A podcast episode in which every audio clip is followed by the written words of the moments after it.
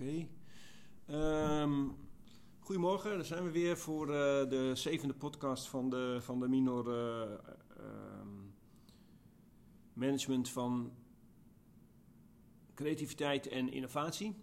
Ik eh, zit vandaag met Eline om de tafel om haar verhaal te, te horen over de Minor en waarom zij gekozen heeft voor de Minor. En eh, ja, goed, wat haar passie is en eh, ja, wat haar passieproject is.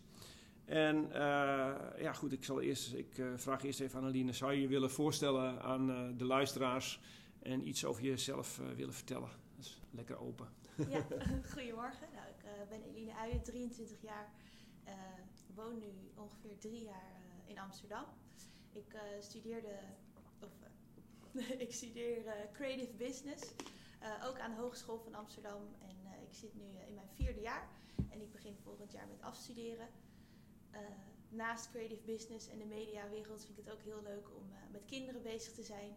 Dus in de zomer ben ik eigenlijk elke zomer de stad uit en ben ik of in Nederland of in het buitenland aan het werk voor een vakantieorganisatie waar ik allemaal activiteiten organiseer voor kinderen en ouders. Oké, leuk. Ja. En ja, nu heb ik er eh, vorig jaar, of maart denk ik, voor gekozen om de minor eh management van creativiteit en innovatie te doen. En eh, tot nu toe heb ik het heel erg naar mijn zin. ja. Nou, gelukkig maar, want we zitten bijna aan het einde. Dus het zou even veel zijn. Inderdaad. Ehm, ja, je, je, je, je doet wat met kinderen. Je, je, je, hebt dus, je studeert ja, media, Ja, hè, dus, dus media. media eigenlijk, eh, creative business. Ehm, en je hebt daar ook eh, ondernemerschap gedaan, hè? dus je, je wilt schijnbaar ook iets voor jezelf eh, beginnen? Of? Nou, ik ben er eigenlijk. binnen mijn studie kan je ook specialisaties kiezen. Ja. En nou heb ik dus toevallig de specialisatie ondernemerschap gekozen. Je had heel veel specialisaties, media concepting, dan ben je bezig met een concept. ja. Ehm, of audiovisueel, dus heel veel bezig met eh, de video en eh, radio. Ehm, of dat je echt heel erg bezig bent met eh, online printmedia en heel veel schrijven. Mhm. En in stages en in, eerdere, in mijn eerdere opleiding had ik al heel veel gedaan eigenlijk, maar ben ik nog niet heel veel bezig geweest met ondernemen. Mhm. Dus ik wilde heel graag ontdekken of dat iets voor mij was. Ja. Ehm, en ik ben er wel achter gekomen dat dat niet echt iets voor mij is. Oh, oké. Ja. Eh, dus dat was wel een grote les. Eh, het was wel heel leuk. Ehm, je onderneming moest wel wat te maken hebben met media. Dus Ja. het was niet dat je zomaar even een sieradenmerkje kon beginnen. Nee. Maar eh, dat moest wel affiniteit hebben met de media. En mijn groepje en ik hebben er toen voor gekozen om een videoproductiebedrijf op te zetten. Oké. En dan gericht op vacaturevideo's. En dan eh, ja. vooral voor laaggeletterden. Omdat voor eh laaggeletterden het af en toe best wel lastig kan zijn om eh, uit een vacature ja, te begrijpen wat er nou precies van je verwacht wordt. En Ja. er staan altijd hele dure woorden in. Maar eh, is het bedrijf wel echt op zoek naar die dure woorden? Of is dat alleen maar voor de formaliteit? Ja. Ja. Dus wij hebben er toen voor gekozen om daar eigenlijk video's van te maken. Ja. Helaas door eh, corona is er heel veel in de soep gelopen. Oké. Want we hadden heel veel leuke projecten. Alleen ja, heel veel mensen zaten in die periode toch thuis. Mhm. En dan kan je geen goede, goed beeld geven van hoe het bedrijf in elkaar zit. Nee.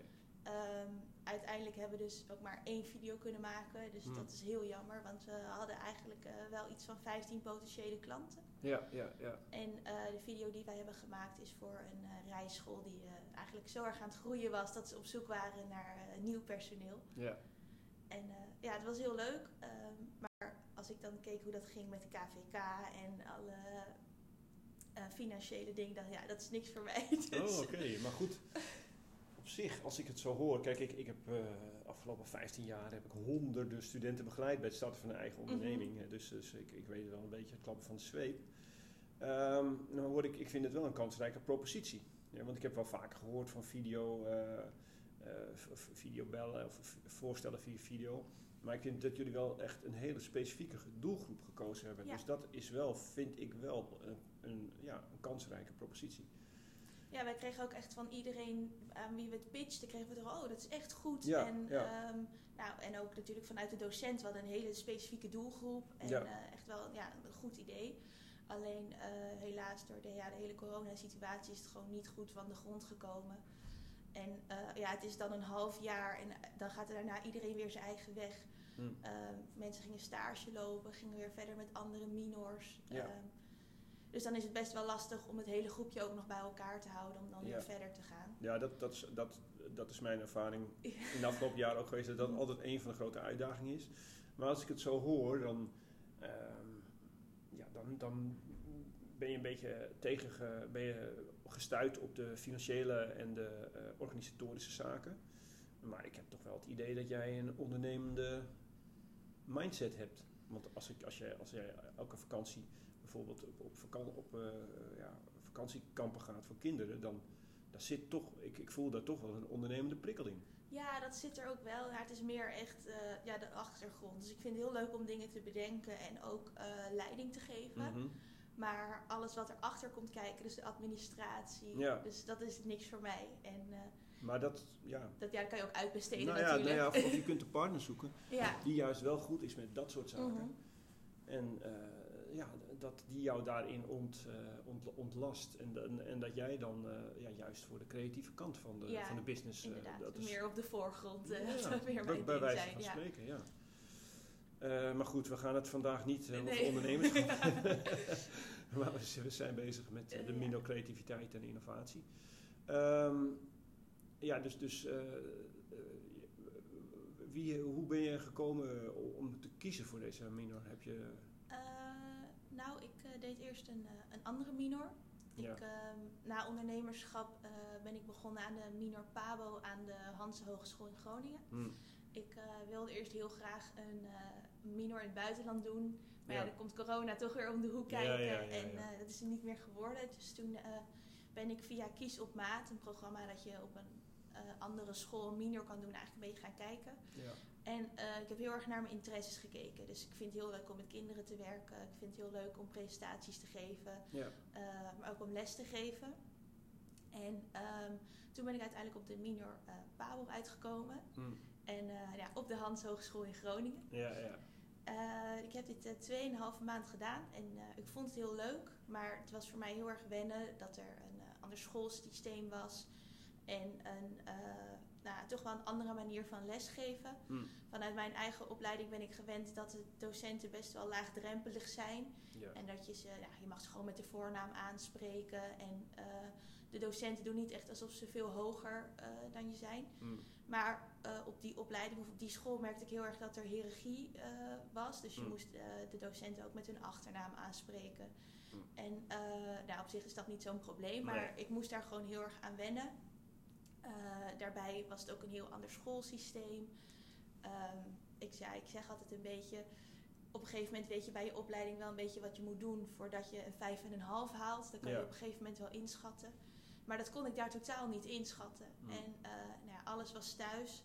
Ehm, ik merkte dat ik nog best wel eh, veel druk ervaarde vanuit ondernemerschap minor. Dat je dan ineens toch zo'n omslag hebt. Want ook door de eh, verschillen in regio had ik ook geen vakantie. Dus ik ging Oh, gelijk van de eh, ene op de andere. klap van de Ja. een op de andere ging ik Ja, door. ja.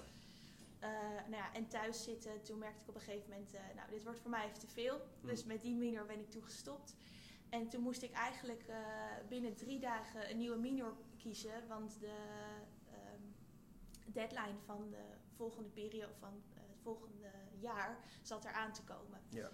Dus eh, nou, ik heel de HVA doorgespit. ik dacht, eh, laat ik nu maar gewoon in Amsterdam blijven om het mezelf makkelijk te maken. Ja. Ehm, eerst heel veel naar creative business minors gekeken, maar die heb ik eigenlijk allemaal. Dat ik dacht van ja, ik ken dit wel een beetje, ik wil toch iets Mm. anders gaan doen. En ehm, nou, toen kwam ik uiteindelijk op managen van creativiteit en innovatie.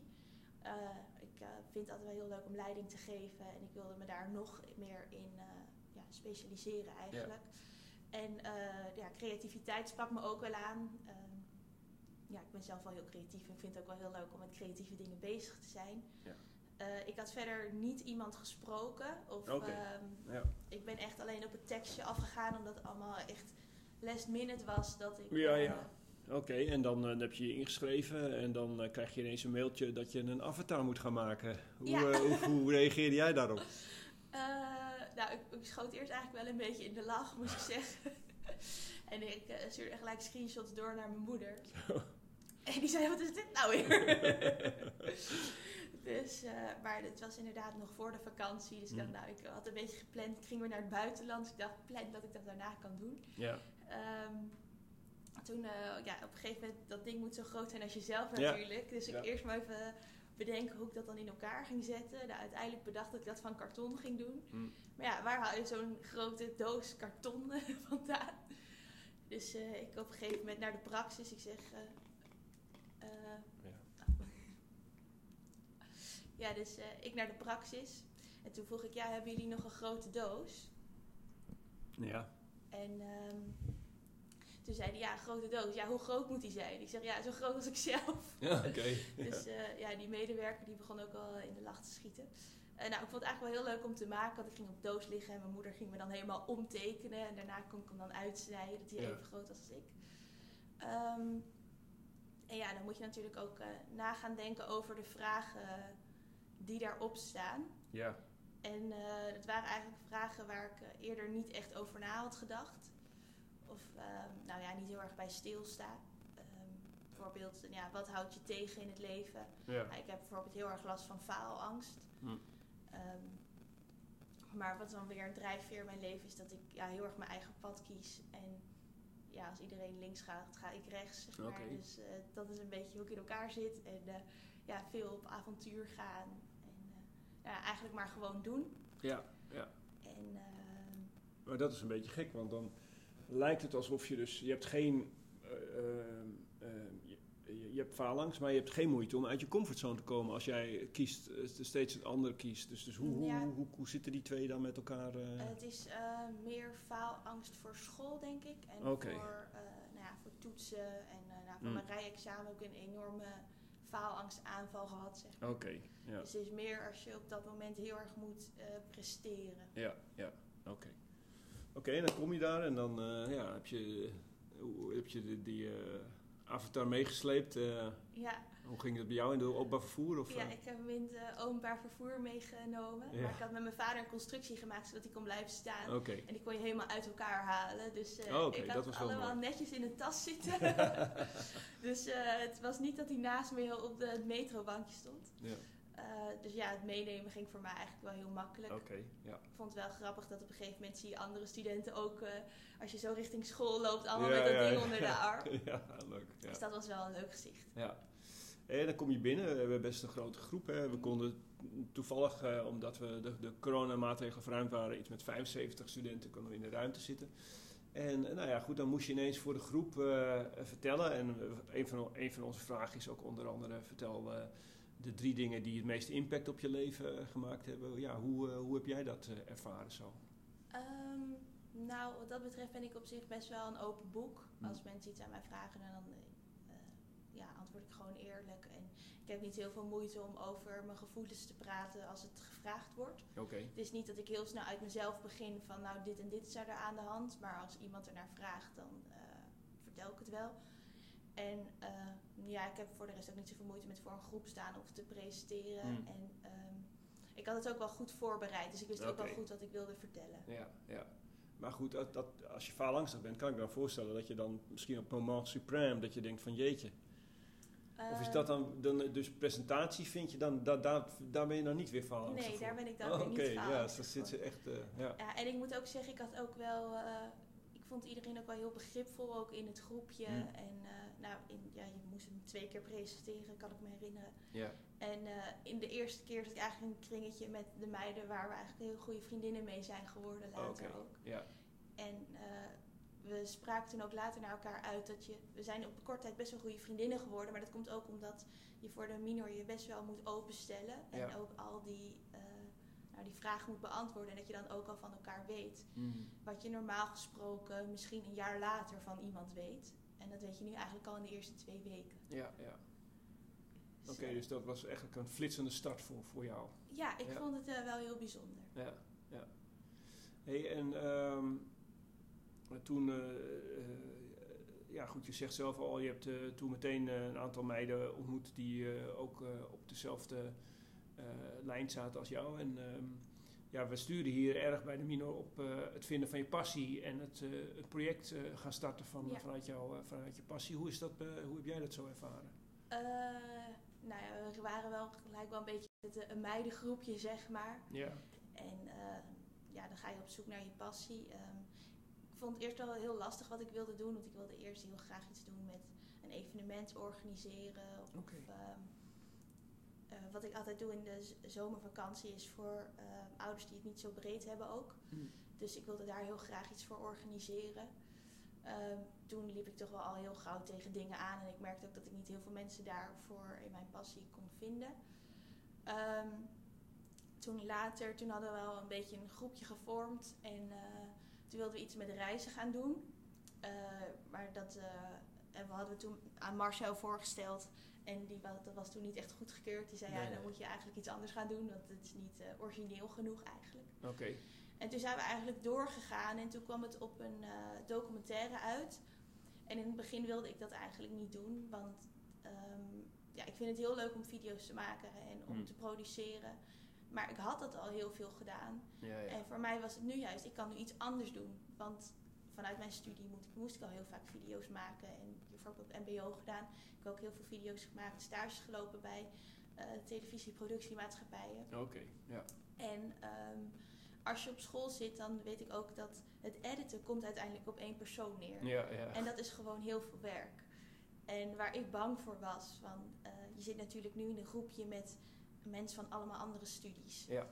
En nou, ik ben persoonlijk goed in editen. En ik dacht, ja, dan komt dat weer op mijn bordje terecht. Ja. En ik heb er eigenlijk helemaal geen zin in. Ehm, dat vind ik eh, altijd wel een beetje lastig als je dan in, in een groepje een filmpje moet maken. Want dat editen komt altijd op één iemands bordje terecht. En Mm. Ja. dat is gewoon echt heel veel werk. En mensen die daar dan geen verstand van hebben, die onderschatten dat heel erg. Want die denken, oh dat doe je even in Ja, twee ja, uurtjes. ja. Maar je bent er gerust vier dagen mee bezig. Oké, ja. En ehm, nu Hoe heb je dat opgelost? ja, er zitten nog twee andere meisje, meiden die eh, creative business doen in mijn groepje. Oké. En eh, Naomi heeft toen gezegd van ja, dan wil ik het editen wel op me nemen. Hm. En toen dacht ik, ja, dan vind ik het wel heel leuk. Want ik vind het produceren van de video vind ik heel interessant. Ja. Alleen het editen had ik niet van. Nee, nee, Dus, nee. eh, eh, en toen dacht ik, nou, dan wil ik het eh, wel doen. En eh, nou, zij heeft nu ook de hoofdedit op haar, op, op haar genomen. Hm. Eh, afgelopen week heb ik wel geholpen met de edit. Want ja, het is toch wel veel werk. En ik ben dan ja. toch niet iemand om dat dan aan één iemand over te laten. Als ik Nee. dan kan helpen, dan ja, doe ik dat graag. Dus we hebben al twee dagen, volle dagen met z'n tweeën aan de edit gezeten. Oké, leuk. Ik ben En- heel benieuwd. Ja. Ja, en achteraf is dat dan ook wel heel gezellig als je het Ja. met z'n tweeën doet. Dus, Ja. Oké, en ehm, nou dit, dit is dan weer specifiek op jouw eh, specialisme. mhm. Maar eh, het ging over, je, over jullie passie. Eh, kun je wat meer vertellen over ja, waar, waar, hebben jullie, waar gaat jullie documentaire over? Ja, ja, op een gegeven moment waren we dan aan het brainstormen over wat willen we doen. En ehm, toen zijn we ook een beetje aan het kijken van ja, wat is nu actueel. En toen was er recent een meisje geweest die actie had gevoerd tegen straatintimidatie. Oké, En eh, nou, daar waren, hadden we ons allemaal een beetje over ingelezen en dat vonden we eigenlijk wel heel interessant. En eh, toen hebben we dat ook opgepakt. En eh, uiteindelijk is dat ook het onderwerp van onze docu geworden oké. eh, straatintimidatie. Ehm, uiteindelijk ehm, ja, hebben we mensen opgezocht en geïnterviewd. Nu is het eigenlijk meer intimidatie over het algemeen geworden en niet echt alleen maar op straat. Dus Hmm. het is iets breder geworden uiteindelijk. Ja, Ehm, en eh, ik vond het wel heel interessant om te doen, maar ook heel lastig. Omdat, ehm, nou, ik heb dan zelf twee interviews gedaan. ja. En eh, het is toch wel moeilijk voor de geïnterviewde om het te vertellen. Dus Mm. bij één verhaal kreeg ik ook echt wel tranen in mijn ogen, omdat het echt wel een heftig Mm. verhaal was. ja, ja. Ehm, dan als ik, ja, een passie van mij is dan wel interviewen. Dus ik weet dan op zich wel goed hoe ik daarmee om moet gaan. Eh, nou, rustig even een voorgesprekje houden. En als het even niet gaat, even luchtig. En dan weer terug naar het onderwerp. Hm. Ehm, dus ik denk dat de passie voor mij dan wel een beetje in eh, het interviewen ligt. En dan toch wel de video maken. Ja, ja, ja. ja. hey, en eh, het is nu toevallig ja, een heel hot item hè, door, de, de, door de, het, het gedoe rondom de voice Ja, en zo. Eh, ja, hoe, eh, Ja, hoe kijk je daar dan tegenaan? Want ja, jij bent ook een jonge meid en eh, ja, je, gaat, je, zit, je zit ook een beetje in die mediawereld. Herken je een beetje wat, eh, wat er momenteel dan gaande is en eh, wat er gebeurt? Ehm, Hoe sta jij daar zelf in? Nou ja, inderdaad, omdat ik in de mediawereld zit, hoor je wel eens verhalen via via. Mm. Ik heb er zelf nooit te maken mee gehad. Nee. Maar ja, genoeg meiden van mijn leeftijd die ook stage hebben gelopen bij allemaal televisieprogramma's. En het is toch een beetje ja, het- de wereld van als je met die en die omgaat, dan kom je omhoog. Mm. Ehm, dat merkte ik ook wel van eh, het maakt in de mediawereld eigenlijk niet zo heel veel uit eh, wat voor studie je hebt gedaan. Dus het maakt niet uit of je van het MBO komt of van de universiteit. Nee. Via je contacten moet je eigenlijk een beetje omhoog komen. Ja. Eh, ja, voor bij mijn stage, de eindredacteur was iemand met een MBO-opleiding en mensen op de redactie die hadden een universitaire opleiding. Oké. Dus ehm, dat merkte ik toen ook heel erg. Ik dacht, ja, die opleiding maakt eigenlijk niet zo heel veel uit, meer je ervaring en eh, je contacten. Want Hmm. via via kom je wel weer ergens anders terecht. Ja. Dus eh, ik vind dat ook ja, wel heel schokkend bij The Voice. En ik moet zeggen, het verbaasde me dan ook niet heel erg toen dat... Oké, dus ja. Eh, maar goed, jullie, ja, in jullie, eh, eh, ja, goed, jullie documentaire, of jullie onderwerp gaat dan, eh, het gaat dan over, eh, over intimidatie op straat. Maar ja, dit is dan in, intimidatie op de, op de, werkvloer. Ja.